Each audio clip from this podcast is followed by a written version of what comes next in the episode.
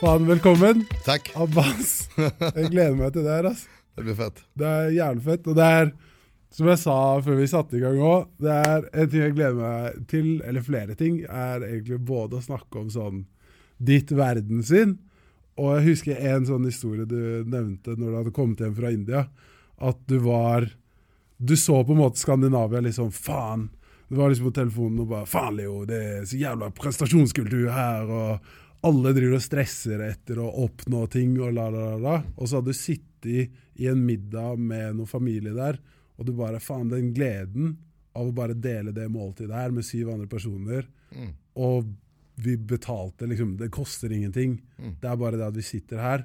Og du sa at den gleden da, selvfølgelig, var, sa du var sånn Den er like stor som å åpne seks nye The Juicery-butikker, Mm. liksom. Og jeg var sånn Holy shit. Og det er Samtidig så er du sånn en fucking maskin innanför jobb, og du bare Så når jeg snakka med deg på telefonen alltså. i går, du bare Nei, nå er det lange dager, altså. Det er sånn faen til elleve hver dag, og du trener ti ganger i uka samtidig som du bare kjører det her. Og jeg syns det er dritimponerende måten du har bare satt i gang The Juicery, for eksempel. Dere var- var da fucking Hvor mange ansatte er det i The Juicery? Jag vet inte, efter corona och allt kaos så vet jag inte hur, helt hur många vi har kvar men vi var väl uppe på en 70-80 när vi startade året. Va? Ikke sant? Og du har vært med på en måte å bygge opp det og har ansikt til sånne ting. Mm. Jeg syns det er dritfascinerende da, å bare høre hvordan faen du Tack, tenker. Jag må ju säga att eh, du kom ju till mig med idén om, Ja, ja. om mandelpraten och jag är ju lika imponerad av dig som eh, att vi har en genomföringsegenskap då. Och det visar du, och det är jävligt fett att sitta här med juicery-produkter. och- Ja. Det är fett, jag är imponerad Leo. Det är hyggligt. kul att vara här. Hyggelig, ass. Og det er ja, en ting som jeg merker at jeg etterlever litt, for vi har jo kjent hverandre i faen, seks-syv år. 2004 när du kom och hällde upp så stora glas vin. Kommer du ihåg det jag frågade dig? ja 100 Det Bara, varför gör du det Leo? Ja. Fan jag får bättre tips. ja. Så konteksten er at jeg jobba for Abbas. Det var sånn vi ble kjent. Det är så vi blir kända. Ja, ja.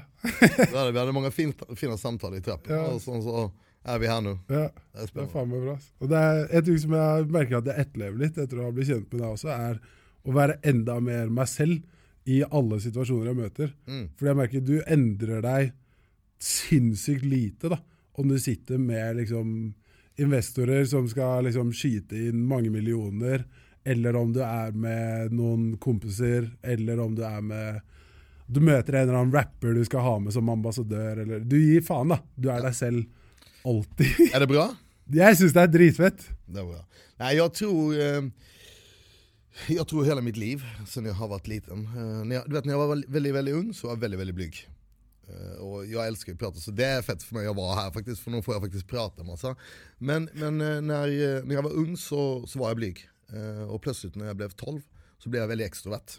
Eh, mina föräldrar fattade ingenting. Eh, och jag har alltid fått höra ganska tydligt att du är väldigt gal.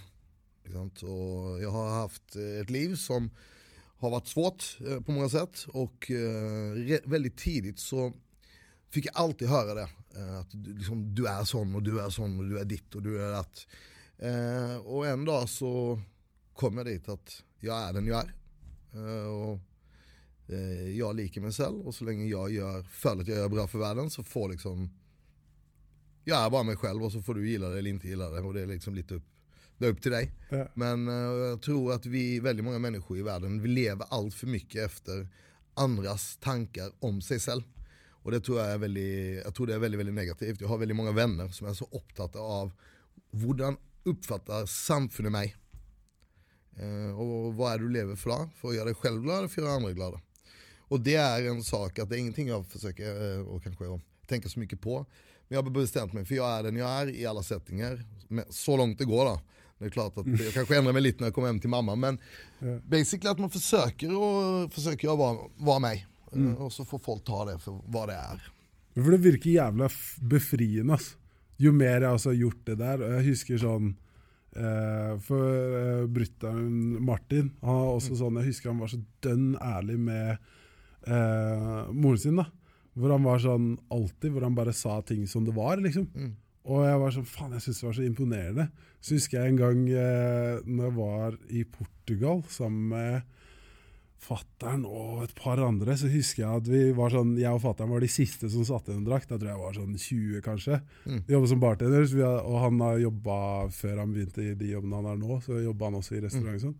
Så vi hadde mekka masse sangria og sånn, og vi var liksom de siste ved bordet. Og så husker jeg at jeg bare Fuck it, ass. Jeg bare sa det. Jeg bare Jeg testa ecstasy da jeg var 17, ass. Du sa det? Ja, ja. Og jeg husker at det var så sykt befriende. Ja, ja. Og bare være sånn Nei, men det er en del av meg. Og jeg bare Han bare Å, mm, Ja, det Ja. Og jeg bare Nei, men jeg husker at det var liksom Så hadde jeg jo en grei forklaring på det. At jeg bare sånn Nei, det var litt for bra. Så jeg bare Det kan jeg aldri gjøre igjen. Hur tog pappa då? Men han var sånn Han bare Nei, det Selvfølgelig, han syntes jo ikke noe om det, på en måte. Men det var jo da noen år senere. Mm. Men sånne ting så merker jeg at jeg syns det er så digg. Mm. Og bare, det er så befriende å bare come clean med alt du gjør. Mm. Enten at man på en måte endrer atferden hvis den ikke passer inn i alle miljøer, Mm. eller at du bare står for det. Mm. Og det er, Jeg skjønner ikke hvordan du klarer det til den graden du gjør det. Nej, nej, det, men nej, alltså, jag vet inte, jag, eh, jag, tänker, jag personligen så tänker jag inte så mycket på det men även jag har ju ibland med min mamma och så vidare, jag har ju haft, jag vill inte säga att jag har haft en tröblete barndom, jag har haft en väldigt bra barndom men jag har fått något som heter PTSD. Jag lovade min flickvän att jag skulle uttala det riktigt men det är posttraumatiskt stresssyndrom.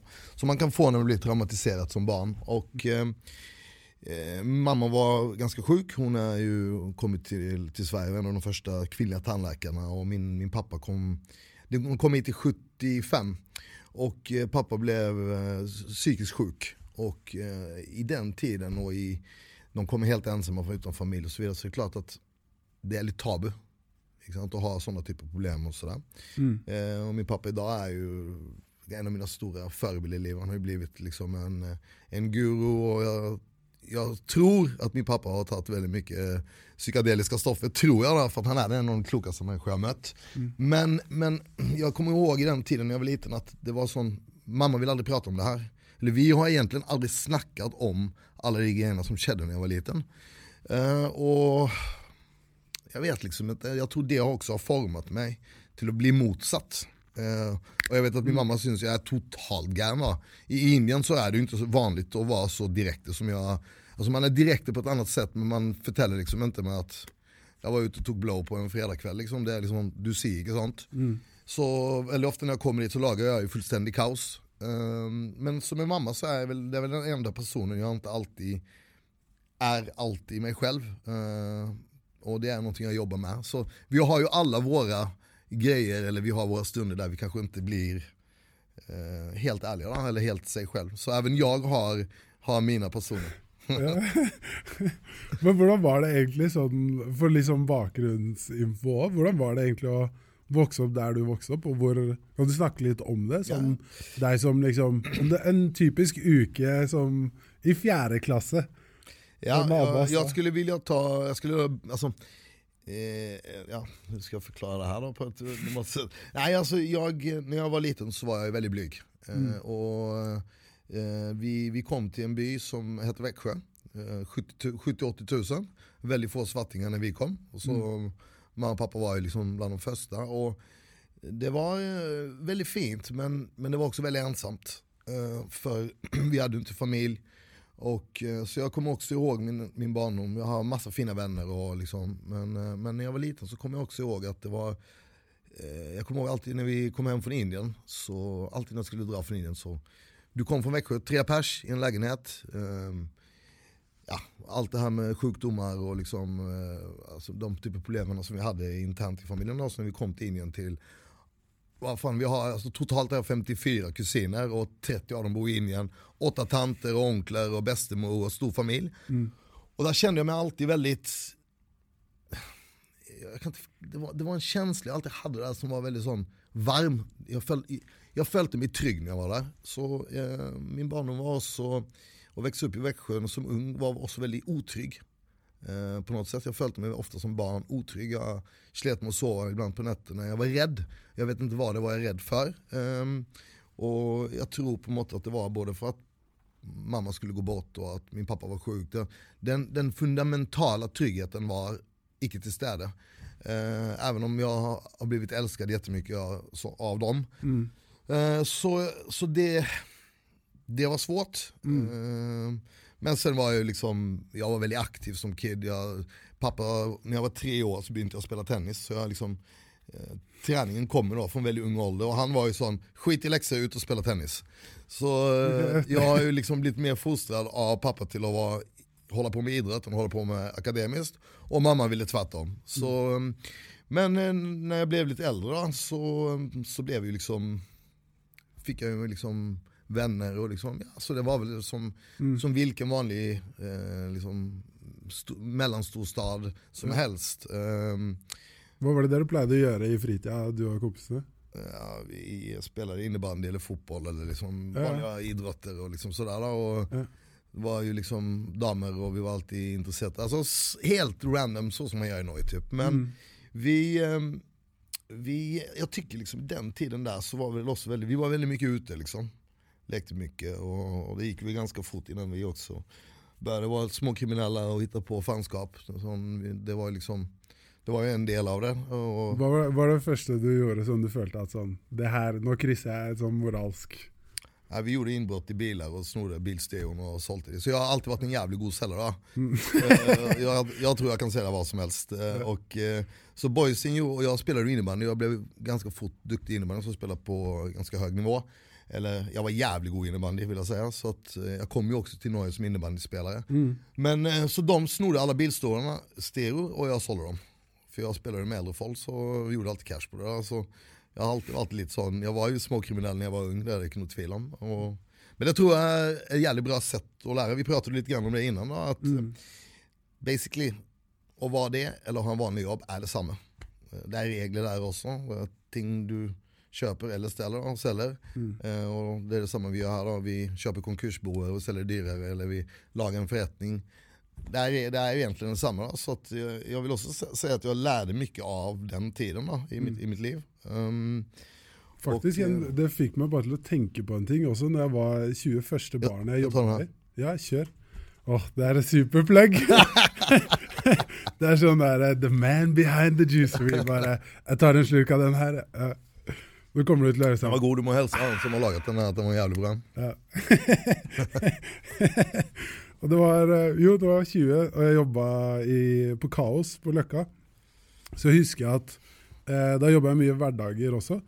Og jeg var mye alene. Og så var det, det var den tida på Løkka hvor det alltid var folk som solgte hasj oppover hele stripa. Mm. Du husker den, Det var sånn mm. fem-seks år hvor det bare var fast. Ja, ja. Gikk du hjem fra byen, så var det sånn Johansson, Johansson, Johansson. Over hele Grünerløkka. Mm. Og mange av de nigerianerne ble jeg godt kjent med, liksom, fordi de hang på den kafeen eh, på dagtid. liksom. Så vi tenker, Og da sto jeg en dag og bare faen, det her er så rart. Altså sånn Kulturelt sett så er det helt innafor med alkohol mm. å selge det, men megaulovlig med weed. Og vi står og egentlig bare pusher produkter på samme måte. Det er første gang jeg fikk en sånn Oi, det her er jo same same but different. Ja, ja, altså eh, Jeg har ju ett väldigt liberalt syn på, på narkotika. Eh, och eh, jag menar ju att alkohol som vi får lov att sälja nu är det ju egentligen det är det värsta dopet. Menar jag då. Liksom, jag har ju själv jobbat i nattklubbsbranschen och, alltså, och på många av mina andra ställen utanför Juicy så säljer vi alkohol. Mm. Och alltså helt ärligt, vad, vad är det du har sett folk bli bäst fucka på? Ja, 100%. Weed eller alkohol? 100% alkohol. Så det är liksom sån, um, jag tror att uh, kultur och alltså, saker som händer över tid, vad fan heter det ordet? Um, när vi Ägsfall. Ja men det blir liksom grejer som blir över tid. Mm. Uh, Jesus drack vin. Mm. Jesus liksom jag drack vin. Jag den det är klart att då är det ju lov att dricka vin idag men eh, mm. hade um, Jesus uh, rökt weed då, och det mm. hade varit det som blivit uh, känt så hade det ju säkert, alltså det, och det är ju... Tror du flera hade gått i kyrkan? alltså, äntligen söndag. Äntligen söndag, jag vet inte fan alltså men um, Ja, nej, jag vet, jag vet inte helt om de, Men jag, jag, jag tror att det är liksom hela den här eh, grejen. Jag, ja.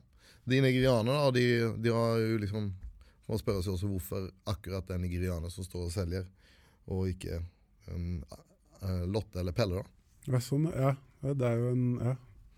Land of opportunities, Land the European dream. Yes, ja. helt rätt. Det är sant. Alltså. Men fan, jag avbröt dig egentligen på var du var i um eh, i, på en måte i fortida di Ja. også, hvor det var liksom videre med kompisgjengen og sånn. Ja. Og så var det, Men egentlig, hvordan var du i klasserom og sånn? Fordi du har jo fått til så mye i den verden av næringsliv, Mm. og på en måte bare tatt sånne små Jeg syns det var så fantastisk det du sa med at ja, faen, den eh, bare Kosa, en restaurant i Kragerø Jeg skulle egentlig bare starte som en ja.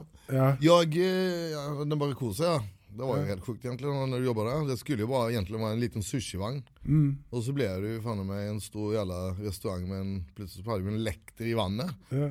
Som ingen trodde man kunde få till. Så jag vet inte, oftast när jag gör någonting då är det som att rulla en liten boll ner för ett berg och så bara slutar det som en stor jävla snöboll. Så det här säger väl också någonting om att jag inte alltid har helt kontroll på vad jag, jag, jag är väldigt impulsiv. ja. Eh, Och det är ju bra. Eh, Och Men hvordan funka det for deg på sånn? Eller i Nej, när jag, var, när jag var ung så var jag ju, när jag var väldigt liten så var jag nog väldigt, väldigt försiktig.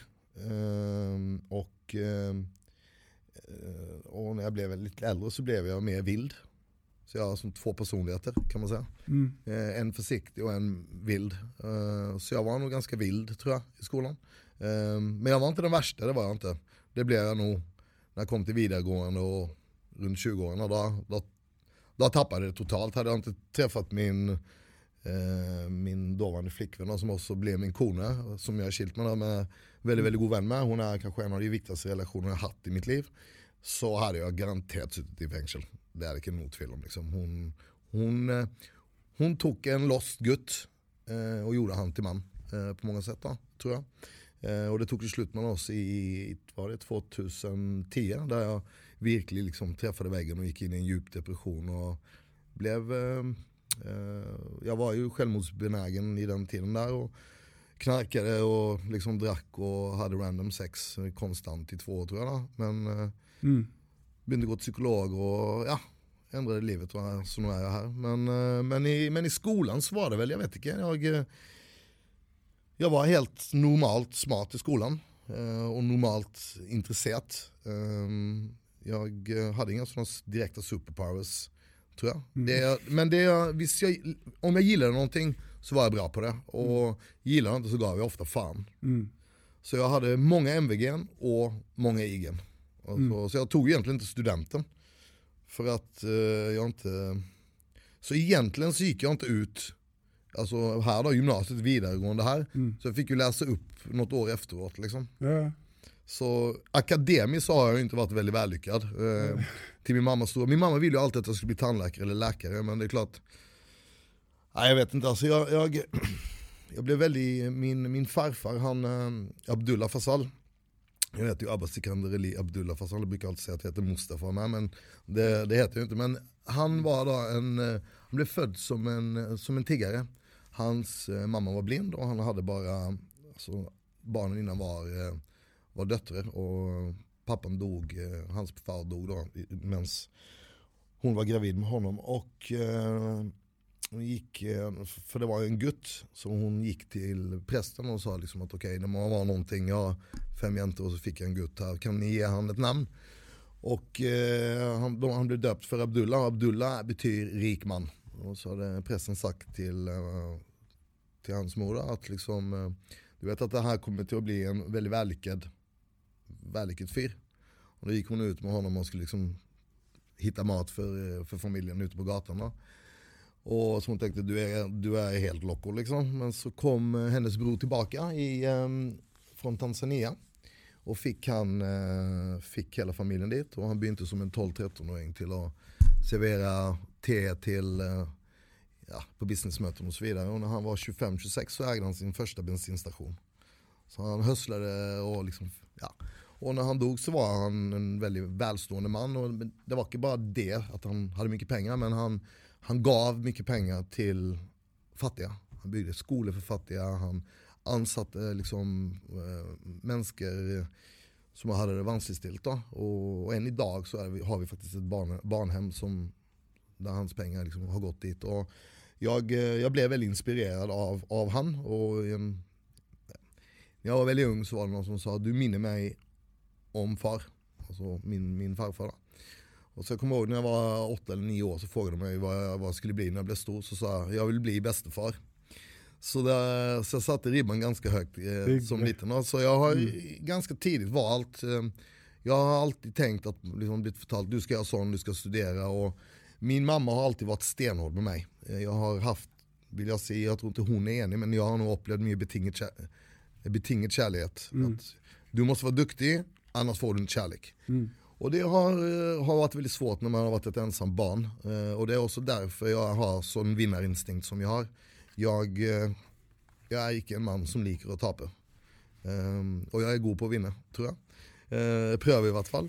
Så, så jag tror det är en, en av de stora grunderna till att jag faktiskt tog det karriärvalet jag gjorde. Eh, Att jag har bara gått min egen väg. Och egentligen lite, levt lite i hans ond. Mm. Ehm, Dritfett, altså. Hvordan var det med religion og alt sånn i hjemmet deres? Var han religiøs, eller? Du snakka om Fa- Farfar, eller? ehm, han, eh, han var eh, ordförande för moskén. mm. Men han drack massa sprit. och jag tror han, jag tror han trodde på, jag tror han trodde på någonting liksom. Mm. Men i min familj så eh, är ju både mamma och pappa, de är muslimer och religiösa. Men eh, pappa är väldigt, eh, eh, han, min pappa har en väldigt fin syn på religion överhuvudtaget. Och han har en väldigt fin syn tycker jag på eh, på hela världen, existens, allt möjligt. Och han, eh, han sa liksom alltid att jag tror på jag tror det här, jag tror på kristendom, jag tror på allt, jag tror att det finns en gud. Eller Noe, som någon annan har sagt. Men det är nog mer.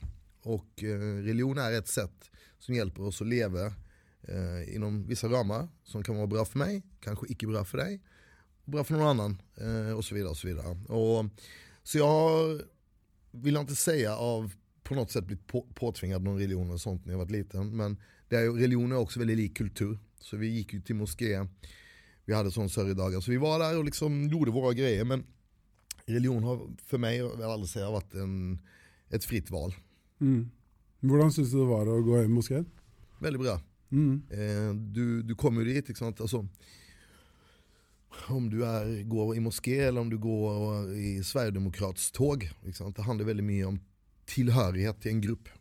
Eh, likasinnade som tänker likadant. Och då får du en trygghet, du får en familjefödelse. Och jag personligen tror ju också att eh, alltså, allt av tillhörighet för folk, folk söker trygghet. Mm. I stora församlingar som de känner er eh, likadant, många människor tycker likadant, så följer man sig trygg. Um, så jag är, jag är väldigt positiv till religion så länge man använder det förnuftigt. Inte sant? Jag tror också att religion på många sätt, eh, förlåt mamma för att jag säger det här då, och familjen, men eh, jag tror religion är ju också lite utdaterat. Eh, Anledningen till att man inte får spisa till exempel svinkött i islam är ju för att i den tiden så dog väldigt många av att äta svin. Och då förbjöd man det.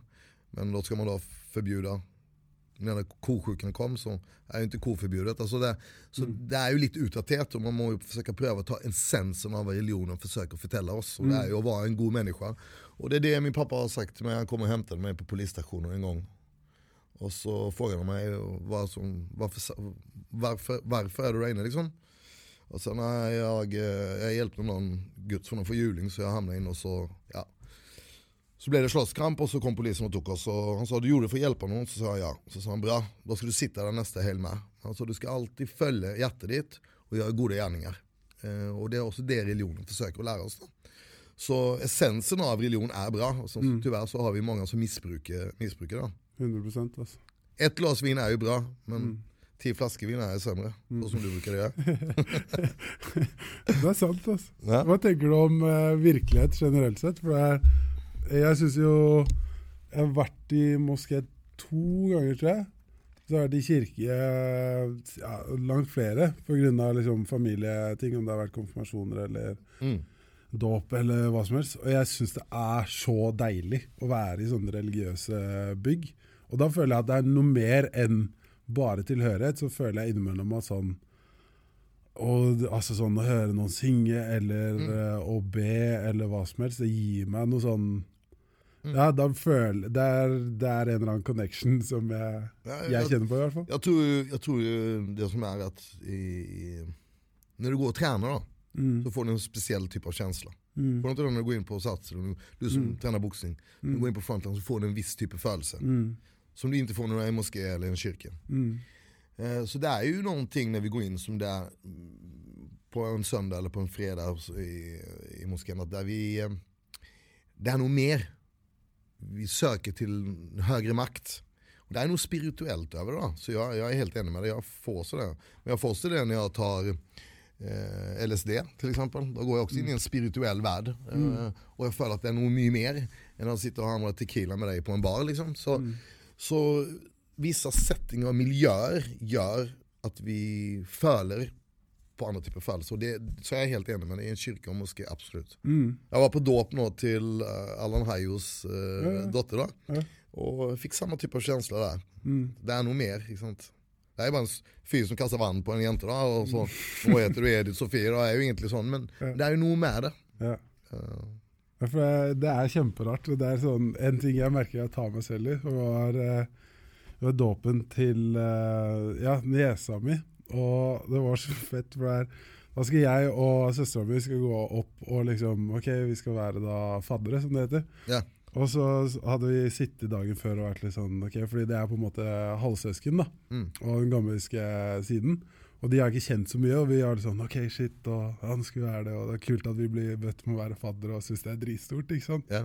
Og det er sånn OK, fett. Og så skal vi gå inn der.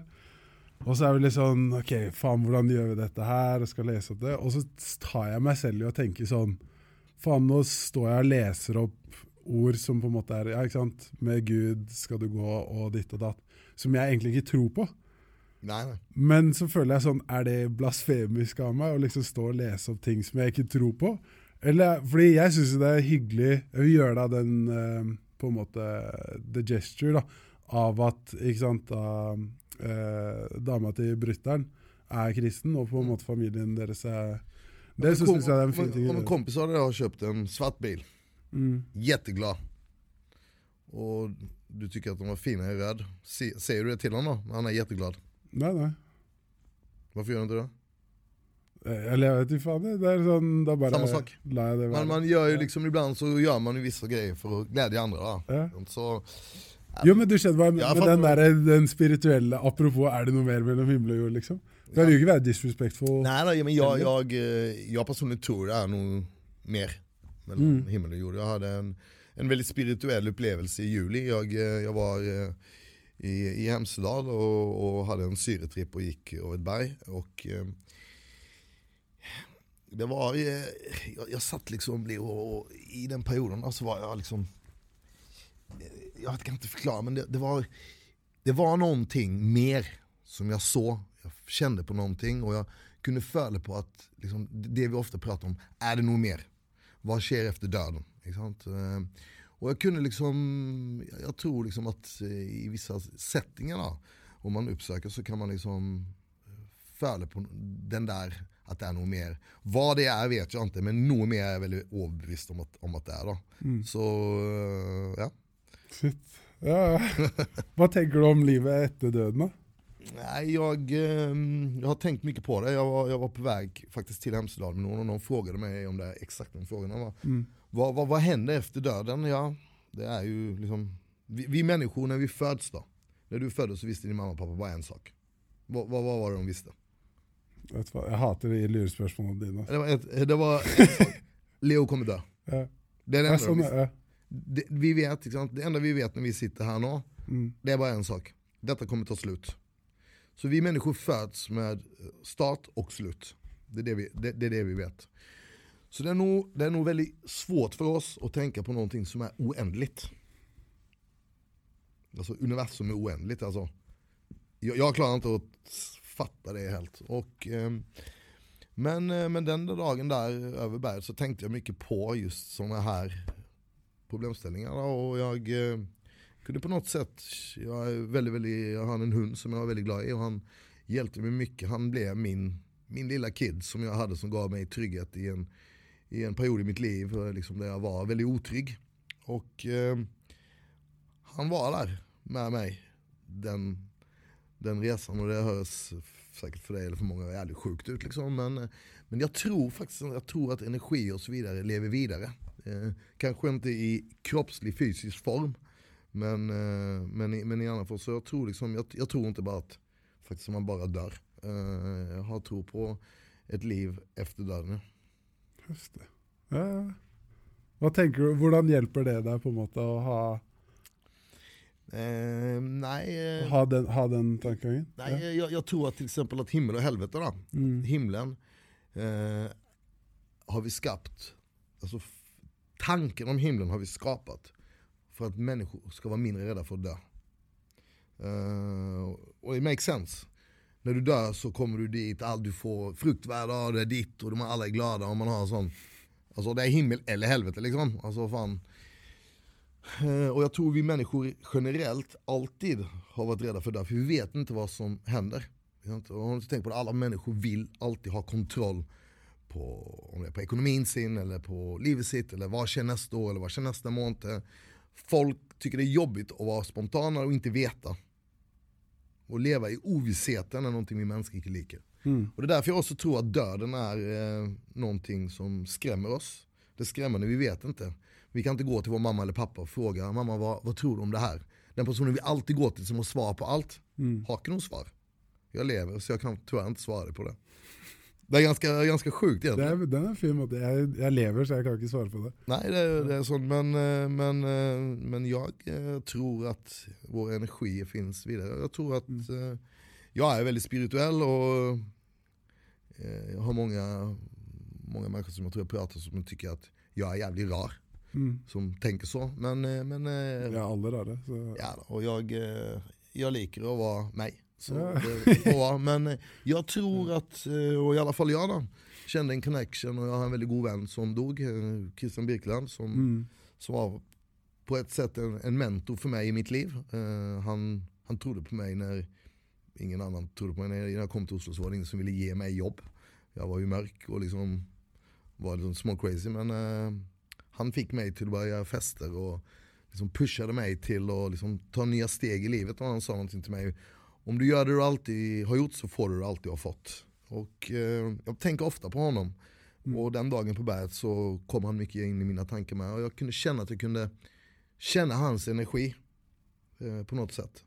Ehm, så jag säger inte att jag kan prata med de döda, alltså, men Mm. jag tror att energier lever kvar. Hvordan deala du egentlig med den på en måte sorgen av både hunden din Raja og Christian? Ehm, nej, jag tror ehm, utan tvekan så var väl Radja för mig deciderat det vanskligaste och, och, och miste. Då. Och som jag älskar Christian som, som en väldigt, väldigt nära vän. Men Radja var ju någonting helt speciellt. Och jag, jag tror liksom det är många som brukar fråga mig som om djur. I Indien så är det inte vanligt att man har relationer till hundar eller på det sättet. Eh, inte så som jag har här men, men för mig så jag, jag,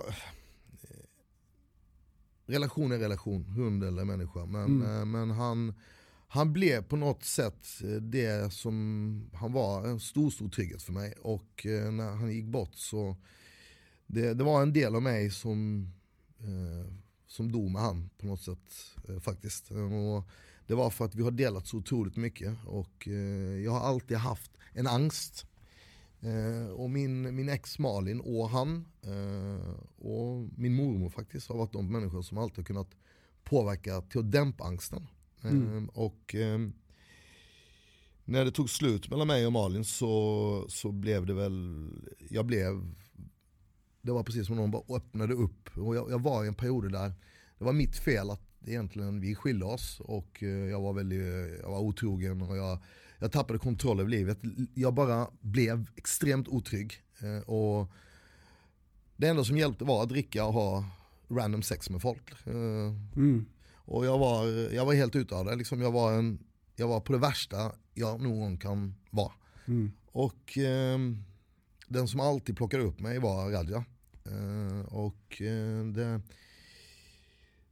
eh, så när, eh, han gick bort så var både Malin, eh, som ändå på sätt och vis, ja hon är väldigt nära idag, men, eh, men eh, bägge var borta från det livet som jag kände. Ja, shit. Ja. Och eh, jag kände för första gången att jag var utan den tryggheten. Eh, och jag kände mig ännu mer otrygg. Eh, men i slutändan så är jag idag, eh, och det har jag varit kanske det sista året, första gången Abbas Fasal har landat. Idag är jag trygg, eh, utan Malin, utan Radja, utan mormor. Och jag är klar för att min mormor nu som är 100 år också kommer lämna mig. Och jag kommer bli jätteledsen men min... min Det är jag, by the way fucking skål för skål, ja, hon överlevde corona faktiskt. Ja, jag såg det. Det är Så det- fan, det är det sjukaste. 100 år. Ja, hon är med här. eh, fy fan alltså. Mm. Ja. Men så, så jag tror jag har använt hans eh, död eh, till att ta de sista stegen för att utveckla mig själv och faktiskt eh, jag har gått till en psykolog som, som, som heter Rolf. Eh, eller han är väl en gestaltterapeut ska man kalla han. Som vi sitter mycket sån här, Mm. pratar och jag har gått till han i tio år. Och jag tror liksom att tillsammans med det och jag är ju big fan av psykedeliska stoffer och den, den kombinationen av det har liksom fått mig till att hitta tryggheten i mig själv. Jag har liksom landat, jag är, jag är glad liksom i att vara mig eh, med mina bra sidor och mina dåliga sidor och jag har accepterat min barndom och slått mig till ro med det. Mm. Så jag vill säga att Radjas död hjälpte mig. Det, det, när han dog så var det värsta smärtan jag upplevt. Mm. Jag kommer ihåg att jag låg med han efter att han har avlivat han i 20 minuter. Mm. När han låg helt iskall och eh, hade nästan lust att bara bära med han hem. Men eh, det här är möjligt. Mm. Det. Så, vi, ehm, så jag gjorde något så sjukt som att jag har ju alla hans grejer kvar och jag har ju faktiskt druckit en del av hans aska. Mm. Hur sjukt det nu låter men eh, Men du har ju till och med kört, En dedikerat juice en... meter, Ja. ja. Så jag har använt det till att faktiskt utveckla mig själv och ta de sista stegen. Så jag tänker på det som att vi, vi, om du tänker det är ett berg. Mm. Vi alla människor, du, han, jag, alla, Mm. vi har våra berg att bestiga. Eh, och under dem så har vi våra partner, vi har vår hund, vi har vår mamma, vi har våra vänner. Mm. Men slutligen är det du själv som ska bestiga det berget på din resa. Eh, och vi, vi, när vi dör så dör vi utan kanske de som har uppfostrat oss till att bli de vi ska. Så att Mm. relationer kommer och relationer går. Och vi Mm. må dra ut essensen av det då. Så döden är ju tyvärr för oss alla oundviklig. Ja. Och någon gång ska alla gå.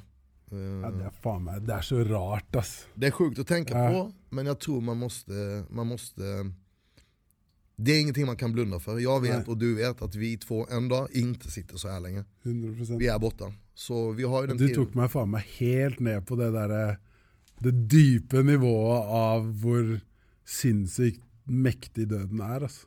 Faktisk.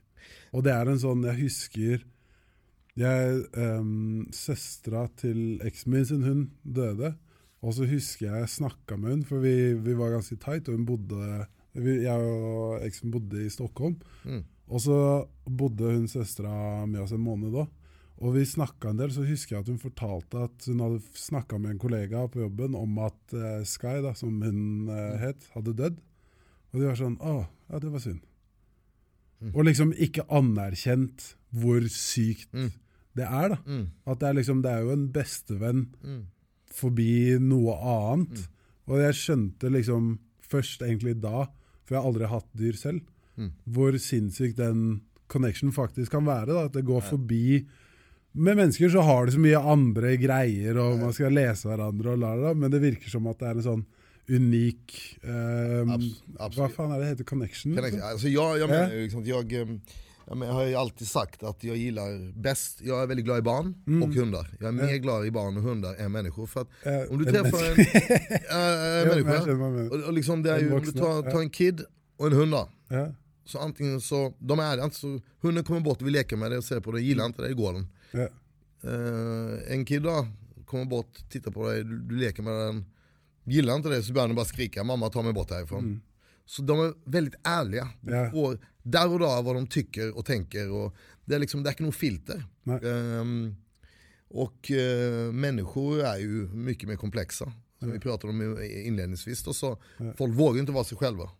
De kanske gillar dig för att de borde eller du får oftast inte, du vet inte helt vad du har folk och desto äldre vi blir desto tyvärr desto mindre ärliga blir vi. Mm. Ehm, Så jag har också i, i mina relationer, jag har många vänner som jag på måte føler eh, Jag har många vänner som jag Jag har varit i en period i livet mitt där eh, jag har ett stort nätverk och du har varit på mina födelsedagsfester. Och Mm. det blir bara mer och mer, jag är väldigt glad i nya relationer. Jag, jag har eh, mött så många fantastiska människor de sista åren. Och speciellt genom Juicery så har jag mött otroligt många fina nya människor som kommit in i livet mitt. Men samtidigt så har jag också alltid varit en person som har lärt känna folk och, och, och, och, och brytt mig om mina relationer tror jag. Men jag ser också att många av mina gamla relationer, att många av dem står still. Jag, eh, så jag har också börjat nu att ventilera ut några av de gamla för att de, Mm. de är inte ärliga. De tar kokain på toaletten med till sin flickvän så vågar de inte ens säga någonting. De dissar Peter Northug eh, och så gör de det samma själva. Och folk tör inte att vara sig själva utan det är liksom ett, en perfekt bild i någon annans ögon. Och, så jag har haft en lite sån dissonans till det där. Att eh, önskar jag ha sådana typer av vänner Mm. som är så fejka som inte vågar säga vad de tycker helt och hållet. Eh, så i mitt liv nu också så märker jag att det försvinner relationer med lite grann. Eh, även om jag är glad i det och jag, på måte, jag hade ringt mig så har jag ställt upp för dem. Men, men den dagliga kontakten med, med det. Eh, mer mot hund och barnhållet. jag har en vän då som jag faktiskt ska möta nu efteråt, eh, Porang. Ja, ja. Han är ju en, en väldigt olik mig, men väldigt lik mig. När du möter han, så du vet vad du får. Mm. Det är ärlighet. Han kan sitta i en församling och säga att jag tycker inte vi ska ha en tjock statsminister. Alltså han ser ting så som det är. Och Mm. Oavsett då vad, vad, vad man av vänner, liksom, ja, så en vän som lägger ut mer sån annorlunda typ av ting på Facebook. Mm.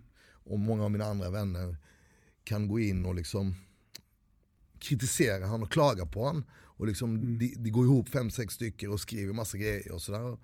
Jag märker att jag blir jävligt provocerad och sånt. Jag är väldigt glad för att folk står upp för vad de tycker och tänker. Man behöver inte alltid vara enig i det han säger, eller det någon annan säger. Men jag respekterar folk som åtminstone vågar vara ärliga.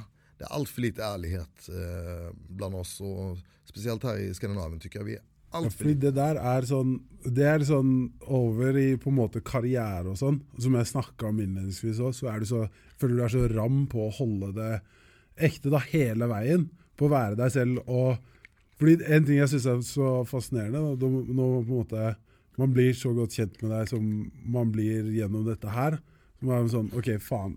Det her Ok, han Abbas, han er faen meg ærlig, han er ekte, han er bare gir av deg selv, da. Og så syns jeg det er så fett at du har tatt det med inn i et på en måte lite imperium du har bygd. da. Jag, eh, det, är svårt, det är inte alltid man klarar liksom hela det, den här och genomsyra deras företag. Jag, jag har ju aldrig i mitt liv någonsin föreställt mig att jag ska sälja juice. Alltså, det var många andra grejer jag trodde jag skulle göra. Det här.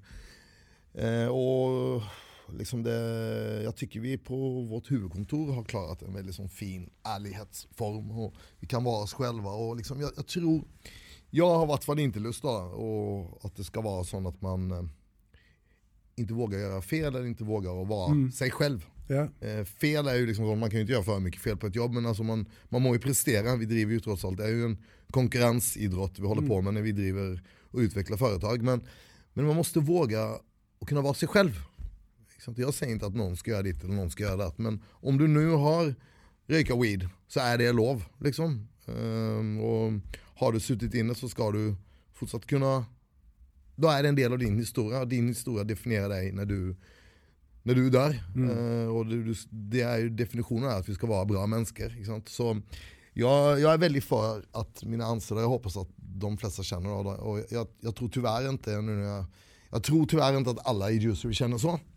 Men jag tror de jag jobbar tätt med eh, känner det. Och är det bara till att slänga in detta du sa om imperium då, så vill jag ju påpeka till dig då som, som vän, att det är ju inte något imperium ekonomiskt sett detta här, utan i coronatider och vidare så är vi ju väldigt nära, alltså antingen make it or break it. Alltså en, en, Det är vi, ju, vi, vi har ju legat efter med, alltså i, i Juicerys tid nu, alltså med feriepengar och löningar som har varit försinkade. Och Mm. väldigt, mång, väldigt mycket missnöje bland, bland anställda och så vidare. Så det, det är ju absolut inte så att vi har kommit till något stadie där vi florerar i massa cash. Alltså, så, men, Nej, nej. Men, men vi har klarat att skapa ett brand. Mm. Eh, och det är brandet, eh, och vi har väl klart att skapa mer än ett brand.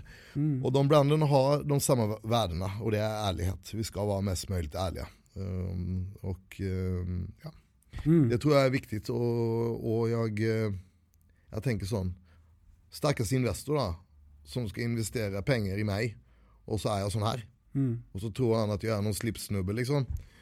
Det är, då är det bättre att han vet vad han ska gå in i och så får han hellre ta valet utifrån det. Och vad organisationen är. Alltså det är ju Mm. det är ju mycket bättre och då slipper, kan jag sova bra om nätterna liksom. Och så en sak som är viktigt är att du kan sova bra. Och när jag är ärlig så sover jag bra. Vet du hva, det der får meg faktisk til å tenke på en ting som er Jeg husker ikke hvor jeg leste det her, men at det er liksom Hvis du lever hver dag som om du var den siste på én måte, da, så er det sånn Du har det på en måte status Nei, standardkvoten, da. Ja. Bare sånn Live life as the last day, la, la. Men litt den at på samme måte som du må på en måte gå og legge deg fornøyd hver dag, så er det jo en dag så skal du jo daue. Ja.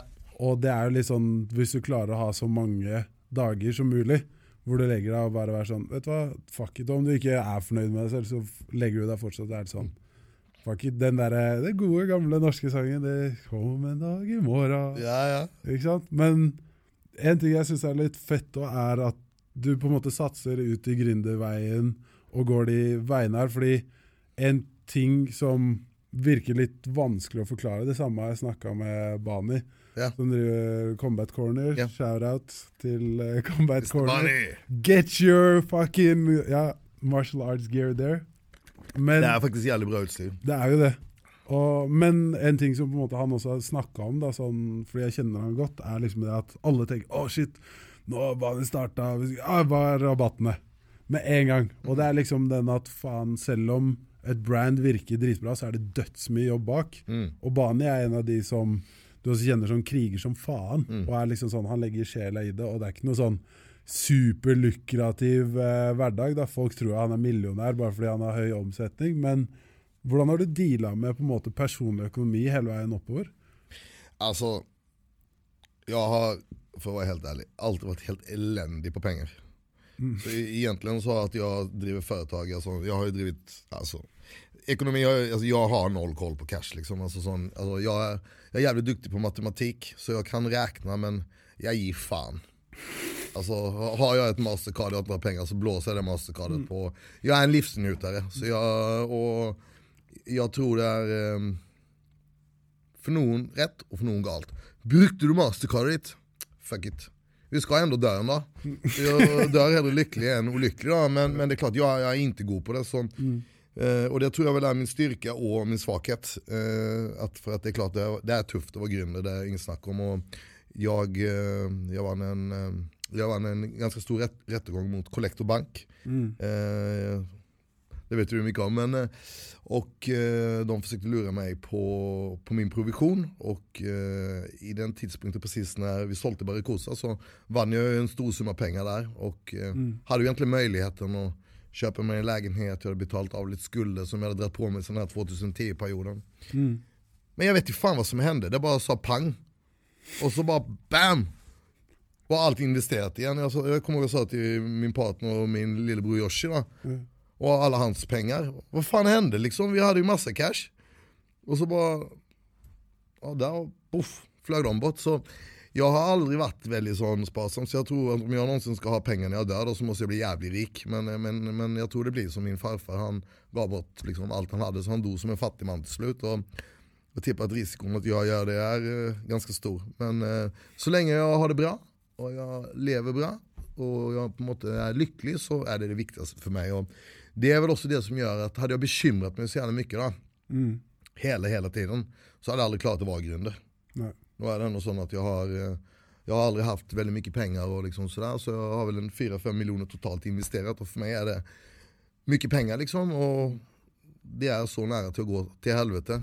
hela tiden i fem år. Mm. Och det gäller eh, i alla karriärval. Liksom. Blir du läkare så måste du jobba jour. Eh, Och du måste jobba 48 timmar i sträck ibland eller vad fan de gör.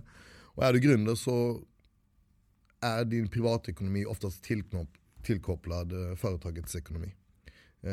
Och Mm. det kommer du inte helt utan liksom. Hvordan dealer du med kroppen din og på en måte ta vare på det? Fordi en ting jeg syns det virker sånn Bare jeg som frilanser merker jeg sånn Ok, til tider så pusher jeg meg selv veldig hardt, og hvis jeg begynner å neglisjere trening og kosthold og sånn, så blir det en slippery slope, og psyken min tar en hard hit. Og du har nevnt at du liksom trener ti ganger i uka, og jeg vil bare høre litt både om det, men også at du Altså sånn de, Jeg sa det før vi gikk på her òg, at jeg syns det er jævlig fascinerende at de fleste som har liksom bikka 35, de begynner ikke med nye sporter. Og hvis de begynner med nye sporter, skal de faen ikke bli best. Och det här med du bare snakke litt om. Ja, nej, jag, eh, den där konkurrensinstinkten mitt hjälper mig tror jag. Både på träning eller idrott generellt. Alltså, jag kan ju klicka om vi spelar kubb liksom. Jag, jag är en dålig tapare liksom. Och det, dålig tapare eller liksom, eh, vinnarinstinkter går väl hand i hand här då. Så, eh, och det är jag väldigt glad för, för att den driven i träning gör liksom att den, det pushar mig själv. Alltid. Eh, och, och jag spelade golf när jag var, golf, har, har du spelat golf någon gång? Ja, det, är, alltså, det är seriöst. Det värsta shit du kan göra. Alltså. det, jag, jag, kan, så jag, jag spelade golf sedan jag var liten. Och jag tror det var i 2004-2005 jag, spelade väldigt mycket golf. Jag gick ner till eh, 7,5 i handikapp. Eh, och eh, alltså, golf är en idrott som det är sjukt mycket teknik. Och det värsta av allt i golf, vet du vad det är? Jag konkurrerar inte mot dig, vet du vem jag konkurrerar mot? Hele tiden. Mig själv. Ja. Vem värre än att konkurrera mot sig själv? Så, det, nej, det där var helt sjukt. Alltså, det gick så långt så jag drev, jag drev ju då ett stenimportsföretag med min, min, min polare David. Och, jag vet inte om David vet det här då, men alltså, jag ringde in och ljög för han så många gånger så att jag var sjuk. Och så var jag och tränade golf liksom. inte bara ljög jag för honom, jag ljög för, för, min, eh, för min tjej då med Malin och sa till henne att du, jag mår inte helt bra, alltså, så var jag på golfbanan och tränade. Alltså, det där var helt sjukt. Så jag, jag, jag har ju en sån manisk personlighet som gör att jag, jag blir besatt av grejer liksom. Och, Alltså ibland när jag sitter på jobbet så kan jag tänka som fan om jag går och spelar padel, jag bankar han coachen min Hector. Alltså, Det er fordi det her må du gå inn på. Faen, hele padel... eh, Nej, jag började spela padel. eh, Några utelivsguttar tog mig med. Då, och, alltså jag spelade ju tennis mycket när jag var, när jag var ung. Och jag var ju professionell innebandyspelare i, i, i några år. Och det, det, det, så jag har alltid haft detta med boll och sådär. Och så spelade vi padel och tänkte jag det är en Men av... faen begynner du med det? Det er det jeg ikke skjønner. Sånn der, ok, du skjønner at det er en sport som heter padeltennis. Nej, jag, og så de tog med mig ut dit till Fornebu på några grejer. Ok, Och så var det liksom en blandning av squash och tennis. Så jag var god på squash och var god i tennis. Så tänkte jag, hmm.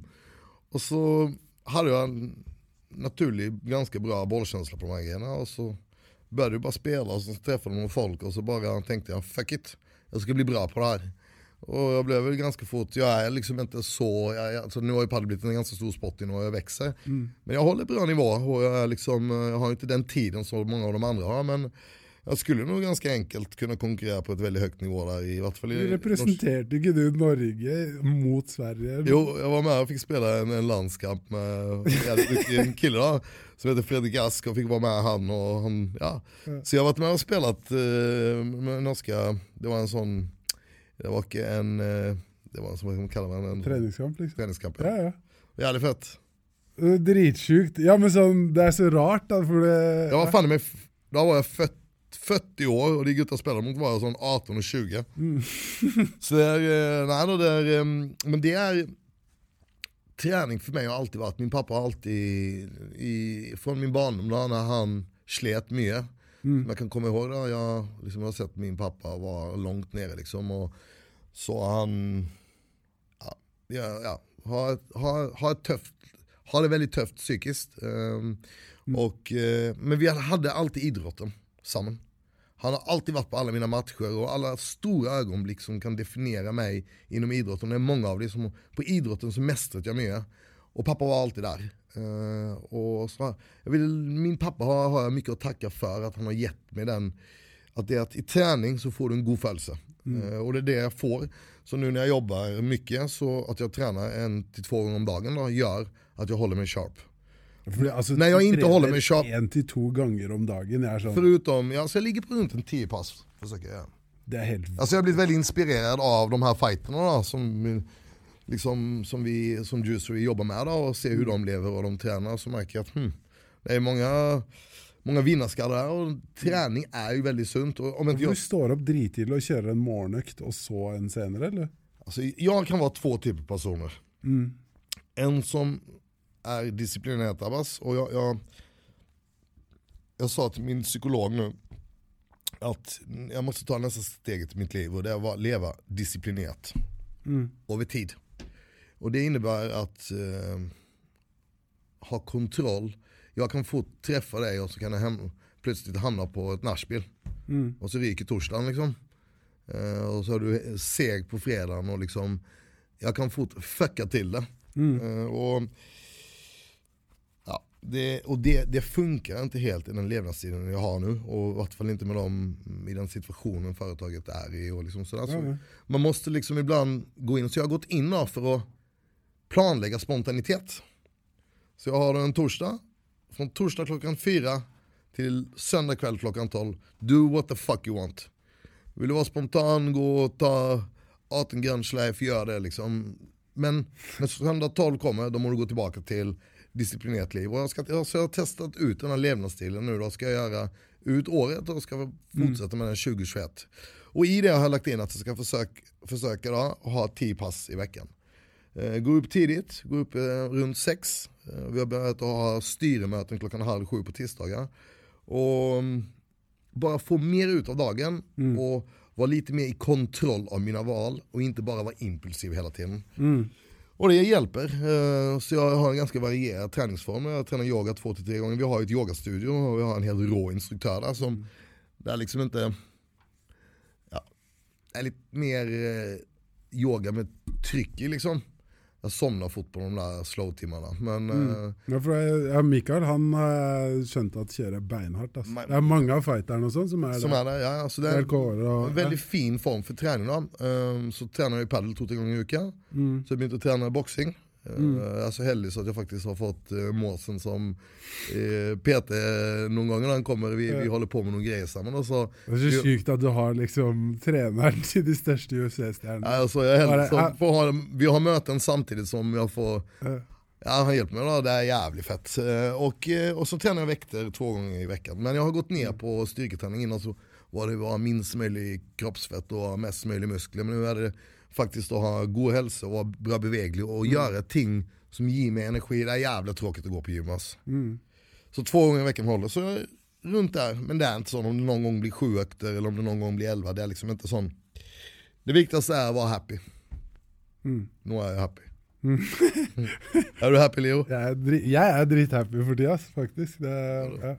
Hva tenker du om sånn verdenssituasjonen og hele pakka? Sånn, apropos å være happy, nå er det jo heia koronatider Ja. og ditt og datt, men hva, hvordan det er liksom verdenssynet ditt med å holde deg lykkelig? Syns du verden er et bra sted? Ja, ja om det är bra städer. Alltså, världen är ju ett dåligt städ.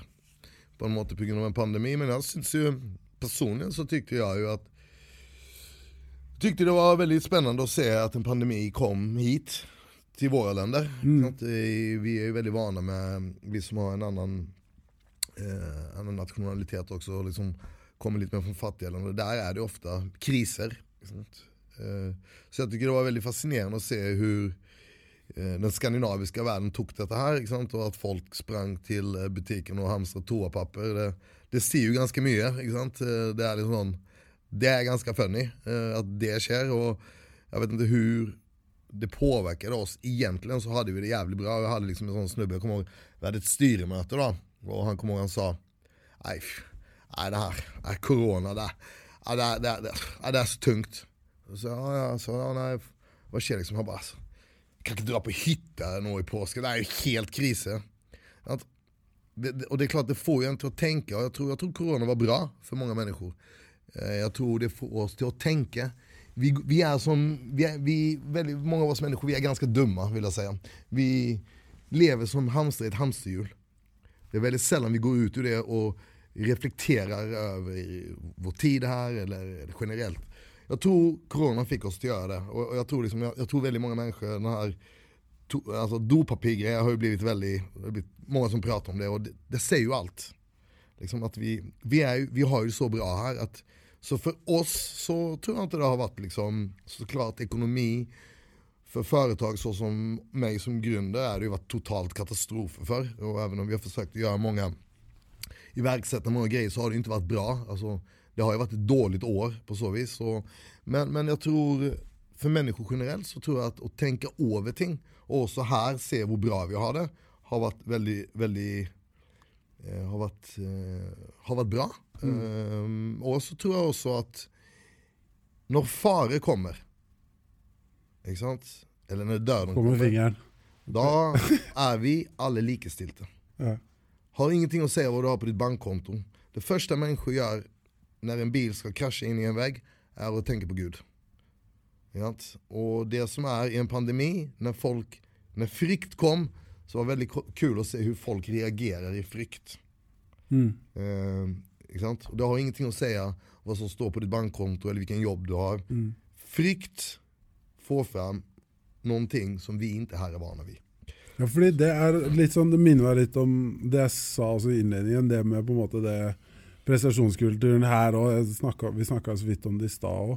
Men hvordan du også ser på Skandinavia, du som faktisk har en tilknytning til India også, mm. og på en måte har fått litt sånn Du kan se på Skandinavia fra den siden òg. Hvordan syns du det er forskjellen og bra og dårlig med det? Nej, alltså jag, jag är otroligt glad för att jag blev född här. Jag menar ju att Skandinavien är paradiset. Alltså sån, vi är väldigt heldiga.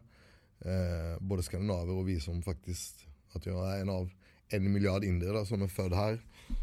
Är, eh, det är, vi är väldigt, väldigt heldiga. Så Skandinavien är en fantastisk plats. Eh, och jag syns, eh, eh icke minst, jag, skandinaviska jäntor är ju det vackraste som finns. Så, men, eh, men Skandinavien är, ett väldigt, det är väldigt snilla människor. Eh, jag syns eh, vi bor i väldigt snilla länder och där vi vi tänker på, alltså, man kan alltid bli bättre men i samfundet vi varit har väldigt många. Och det är väldigt, väldigt bra. Um, sen har ju allt bra och dåligt. Um, och det är ju, I Skandinavien så är vi ganska självständiga. Vi har ju inte helt behov för familj på samma sätt som i Indien. Här har vi NAV. I Indien så är familjen ditt NAV-system. Om någonting händer så som onkeln min när han blev canceropererad då, då pitchar familjen in med cash. Här är du däckt på alla möjliga sätt. Liksom. Får du kräfta så mm. behöver inte bron din ge dig pengar. Liksom. Så våra behov för familj blir ju annorlunda här och där. Så det är klart att när du kommer ner till Indien så är det ju mycket mer, familjen är ju mycket tättare. De bonna bevaras ju mycket mer. Och det kan jag tycka är lite synd här att det, det har vi inte kanske lika starkt. Så, så, allt har bra och dåligt. Det är nog bra med dig och nog dåligt med mig. Mm. Som jag sa innan, du är två meter hög. Jävligt fett när du ska spela basket, inte så bra när du kanske ska, ja, jag vet inte fan. Mm. Sitte på et fly. Ja, jeg har jo bra og dårlige greier. Liksom. Hvordan, det er liksom, Jeg gleder meg litt til å spørre deg om, fordi du har alltid så jævla harde svar på alt mulig. Jeg er sånn Nei, sånn her er det! Skal jeg fortelle deg hvordan det er? Hva hadde du gjort hvis du kunne vært verdensdiktator i en måned, og du begynner på mandag? Verdensdiktator på måndag. Supreme leader Abbas Fasal. Da hadde jeg fått alle mine venner, som jeg er veldig glad i, till att ta LSD. De måtte ha gjort det. Du är världens diktator. 200 mikrogram. Ja. Ja. Tur allihopa. Sendt de på en tur. Och de kom tillbaka hela gängen som bedre människor. Och de hade älskat sig själv mer. Och de hade älskat de närmaste relationerna runt sig mer. Och blivit bättre folk. Så det är det första greppet jag hade gjort. Kanske hade sänt alla i hela världen det var det jag tänkte. Och så hade han nog aj det sällskapet som sålde de produkterna till dig. Eller så gick det ut gratis.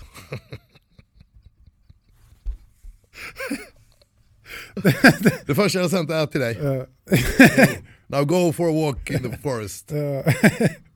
Hur tror du världen hade vaknat upp då? Hvis du hade sendt, hvis du hade varit världsdiktator, sänt alla på den trippen, vad tror du det hade förändrat? Jag tror att man hade haft bättre förståelse för nabon sin. Man har haft bättre förståelse för vem man själv är. Jag tror vi hade haft mindre egon. Eh, jag tror vi eh, egentligen hade förstått olikheterna som olikheter kan också innebära frykt för oss. Så väldigt mycket av det som vi inte vet eller kan skrämmer oss. Så som döden. Mm. Eh, och jag tror man också hade haft mindre dödsangst. Ehm, så jag tror att jag tror folk basically hade haft bättre förståelse på ting. Eh, så jag tror det hade hjälpt. Många av de problemen vi har idag är ganska idiotiska och kan faktiskt lösas ganska enkelt. Jag lyckades, jag lyckades. Abbas för diktator. alltså den latteren din. Men eh, vad tänker du om sånn kultur og sånn? Det er jo en sånn fin ting. En ting jeg elsker og, som DJ, er det å på en måte sette folk sammen. Og connecte folk. Det syns jeg er en av de beste tingene med jobben min. Hva, hva tenker du om sånn eh, Hvordan har ditt forhold til musikk vært? Og Mm. hva, hvordan tar du inn kultur, generelt sett? Hva er det du tar inn? Jag, eh, min, eh, min, eh, ja, kunde säga så. Min, eh, min nuvarande flickvän Nora, Mm. hon, eh, hon har alltid trott att jag bara lyssnar på R&B hiphop. Och musik för mig är ju eh, en födelse. Hon, säger, hon säger alltid mig att jag kan aldrig trott att du skulle lyssna på sånt här. Så jag lyssnar mycket på 60-talsmusik, indisk 60-talsmusik. Och eh, jag lyssnar på svensk eh, 90-talsmusik. Jag har en väldigt, väldigt varierad playlist. Mm. Så när du hör den så hade du inte utifrån min musik kunnat säga vem är han här? Eh, och det är för att för mig är musik mer en känsla. Min, det påminner mig någonting in, inne, så jag kan knarka en låt. När jag hör en låt så kan du repeata den i fyra dagar i sträck liksom. Och så bara okej, nu fick jag inte den känslan. Men jag så, eh, födelse är någonting som musik representerar för mig. Då. Till exempel den indiska musiken var ju väldigt mycket, jag tror jag, eh, en lycklig tid i min barndom. Mm. Eh, och det är därför, eh, så när jag spelar den i Indien så tror folk att jag är gal. Icke till och med bästemor syns den är för gammal liksom. Det är klart, Då är det gammal musik. Ja. Så, så det är musik för mig. Och, ehm, Hva var det du hørte på når du gikk fra sånn ungdomsskole til videregående? 90-tals R&B och hiphop. Ja. Och jag är så heldig då att eh, eh, min största musikidol, då, alltså för mig är han större än Jay-Z, det är ju Timbuktu. Mm. Och han är också delägare och en god vän av mig i, i Juicery. Mm. Så jag vill också säga hans, för mig är det ingen tvivel att alltså, du, du, hans musik, eh, hans svenska hiphop är väl kanske det jag har hört absolut mest på. Och liksom den, den genren där. Och, eh, fascinerande person och har följt så nära i livet. Då, hur han har gått från vad den han är till vem han har blivit. Liksom. Så, ehm, Hans musik har inspirerat mig mycket. Speciellt låten The Botten is Nod. Ja, det var det jeg tenkte på. Bare, Jag har haft den som ringsignal i många år. Heftig. Så Det, en ting jeg har tenkt på, for det sånn mange av jeg si mange av oss da, som har hørt mye på hiphop i den tiden. Jeg tenker at, eh, jeg leste et sted om at man identifiserer seg veldig mye med den musikken du hørte på når du var sånn rundt 15. Mm. For det er da du å få en mye større grad av eh, selvstendighet. da. Mm. Og den musikken du hører på da, den kommer til å forme deg veldig mye. Jeg hørte på mye rock og metal og mye hiphop. Ja. Og så litt elektronika og sånn også. du hörde på allt mer eller mindre. Ja, men det var spesielt de tre sjangrene. Det var liksom de store, da. Men, eh, men hva tenker du om sånn ballett, teater, alle mulige andre former? Jag fick faktiskt eh, en, en eh, vi hade ju Ja, jag fick ju nästan en, vad blir det, ni har 1-6 här i skolan va? Jag fick ju en femma i teater faktiskt. Mm. Jag fick en etta först och en örfil av teaterläraren. Sni- Och klart jag kommer med upp till en femma. Jag, Rolig snikskryt her nå. ja, Ja. jag, gillar att performa. Ja. Ehm, Men har du dratt mye på ting selv? Nej, inte så mycket. Alltså, men jag har varit på en del och jag har alltid varit sån eh, kedlig. Men när jag kommer dit, jag diggar det. Jag kan fort leva mig in i grejer vad den är. Så jag tycker liksom uh, jävligt, ja, det är fett. Mm. Diggar det absolut. Kanske, borde, kanske vi ska gå på det Leo? Ja. Ja, jeg lik, ja, jeg er 100 på at Så jeg må du tar med mig nästa gång på någon sån teatergrej. Ja, lett. Vi får ta med Adela, kjære til han også. Ja, ja. Ja, ja. Fett, ass. Vet du hva? Siste, siste kategorien. Ja. Tanker om å bli gammel. Hva Har du blivit gammal nu då? Men hva, hvem er Abbas sånn når du er 80 år gammel? Nej, vi pratar mycket om detta här, jag och min, min shrink Rolf då. Mm. Och jag har nog alltid haft en bild eh, om jag får barn eller inte får barn, det är den stora frågan för mig. Mm. Eh, men jag hoppas att bli en gammelvis man, lite så som fan min har blivit. Och kunna hjälpa och ge råd till de yngre som, om det någon skulle finnas någon som vill ha mina råd. Om det är mina egna eller främlande eller vem som helst då, att jag har klarat att bli en, en man med mycket skägg, hår vet jag inte om jag får, men att jag klarar att bli en äldre vis person som har mycket vist att ge de yngre. Och fortsatt är i bra form. Mm. For det er sånn, En ting jeg tenker på innimellom, er Jeg har litt den samme med og sånn, å, Når jeg blir gammel, så har jeg en sånn veldig hva skal jeg si, eventyrlignende visjon av det. Mm. Samtidig så går jo verden så sinnssykt fram teknologisk. da. Og hva vi kommer til å være gamle med. da. Når vi er 80, så har vi sikkert bare Neurolink med chip i. Nej, jag kommer luttputta allt möjligt in i kroppen min för att hålla mig så ung som möjligt. Ja. Jag lätt kommer göra det liksom. Så, ja, ja. Jo, men også bare hva, hva vi ja, kommer til å ha. teknologin, vad du kan göra. Ja, ja. Jag tror nog att, jag, jag vet, frågan är om, hur gammal är du? 30, 31. Ja. Ja, vi, så vi är ungefär samma tid då, men Mm. frågan är vad vi får uppleva. Mm. Men, eh, men eh, jag, kommer, jag är väldigt experiment, jag, alltså, jag tänker ju inte så mycket då, så jag gör ju bara ting. Mm. Så jag kommer nog hoppa på allt möjligt som går att hoppa på då. Av teknologi och trender för att liksom pröva att följa med. Och liksom. Sen är frågan när man blir mätt. Er, du, er du for chip i hodet? Vad gör det chippen då? Nei, altså sånn eh, Neuralink til Elon Musk, det, du må se den pressekonferansen, dritfett. De snakker om at eh, de kan på en måte da installere den chipen, som er på størrelse med en liten mynt, og den kan da lese på en måte alle synapsene Nå skal jeg ikke begynne å melde termer jeg ikke kan her, men i hvert fall den connecter i hodet ditt sånn at ikke bare kan lese av mye av de tingene du gjør, men den kan også sende ut stimuli. Så de håper på å kunne også installere en i f.eks. nederst i ryggraden din, sånn at hvis du har blitt lam, så kan du fikse det. Hørsel kan du fikse. Og da er det egentlig bare Tiden er et spørsmål da, om hvor mange ting, hvor mange deler av hjernen kan de begynne å eh, stimulere igjen. da. Så kan du lære språk fortere, kan du senke depresjon, kan du fjerne smerte i stor grad. Det er veldig mange ulike ting de kan gå inn i. Mm. Og anbefaler alle å bare se den pressekonferansen. Men det er en sånn Der så kommer også den lille sånn konspiranoiaen min inn på at å, ha en chip i hodet Hvis jeg skal plutselig gå og ta over verden og gjøre noe stort og forandringer, så kan noen bare ta den Det switchen. blir ju mer robot, ro, robotiserat då. Mm. Ja, nej jag, jag vet inte, jag tror ju att Jag tror att ehm, utvecklingen är svårt att stoppa då.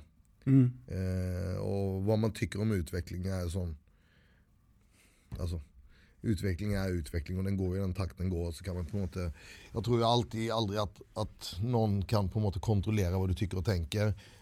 Har ju fördelar och nackdelar. Och som du säger så har det säkert massa bra och massa dåligt. Så jag Jag, eh, alltså, jag kommer ihåg när jag liksom Mamma och dem, de skulle börja med netbank då Mm. jag kan aldrig låta någon ha tillgång till min bank. Mina pengar. Det är ju mina pengar. Jag vet inte någon som inte använder nätbank idag. Nu är det kanske en annan skillnad från att gå in i huvudet eller sådär då, men, men det är klart. Jag tror nog att eh, när man sitter där 80 år så är man nog ganska mottaglig för miljöändringar. Och så.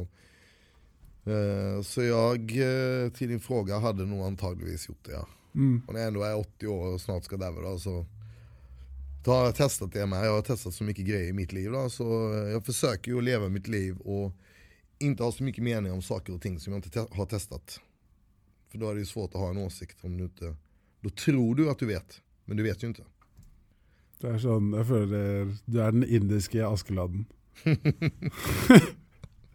Indisk Askeland. Ja, jeg fant, jeg fant Og du er på eventyr, altså. Du skal være ut og Jag mötte en eh, Ja. kille en gång, eh, när jag var, eh, min pappa skickade mig, vi var, var i Tanzania i 1997. Pappa är ju indiefödd i Tanzania, och bästefar och sådär. Så vi var, han sa, alla män måste dra på safari. Han var väldigt snäll, han sände mig på lyxsafari. Så tog ett fly och där jämte satt en man eh, som var skalla indier i en ålder av 37. Basically så ut som jag gör idag. Och vi blev jävligt goda vänner och när han, eh, när han drog och lämnade så hade han lämnat en bok. Eh, Alkemisten med Paolo Coelho. Mm. Eh, det var faktiskt den boken som fick mig att flytta till Norge. Och där hade han skrivit, på, på den ena sidan skrivit en text till mig. Och där stod det att du virkar, eller min uppfattning är en person med hög energinivå. Jag hopp, tror du kommer till att gå för mycket ting i livet ditt. Det är många fjälltoppar du ska bestiga. Men husk att det är inte fjälltoppen som är det viktiga. Det är reisen upp till fjällen. Och det är väl egentligen liksom det är ju egentligen det livet handlar om. Och jag har inte alltid varit duktig på det innan. Jag har alltid sökt fjälltopp till fjälltopp. Men det är ju egentligen under vägen upp och på väg ner vi reflekterar över våra mål. Varför satte vi mål? Vad fick jag ut av det? Vad, liksom, det, det, är där du utvecklar dig. När du når där, det är ju bara en födelse av mästring. Det är som, ta Jack då. Mm. När han den dagen får titeln då, så är det ju inte liksom den titeln, det är allt arbetet, allt som är innan, som egentligen, han har inte varit lycklig, han har inte varit glad på den resan upp så, så är det ganska poänglöst till slut. Mm. Det er egentlig perfekt overgang til siste spørsmål. ass. Ja. Hva, hva er viktig å få med seg i et livsløp? Ehm, bra sex.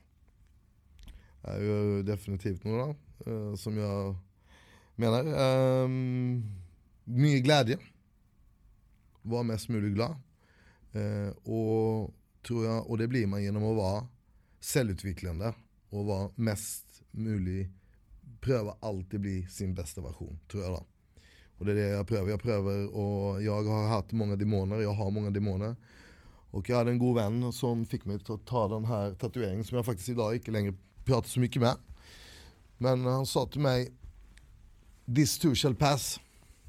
Och det är ju sant. Allt går över. Allt förändrar sig. Sant? Och det är viktigt liksom att vi hela tiden prövar och vara mest möjligt happy. Och det blir vi genom utveckling. Eh, och alltid söka hur kan jag bli bättre. Uh, och det är jag väldigt, väldigt tacksam för. Hans, hans råd hjälpte mig mycket till att faktiskt gå de sista stegen med mig själv. Uh, och törra att ta kamperna med de demonerna som satt långt inne.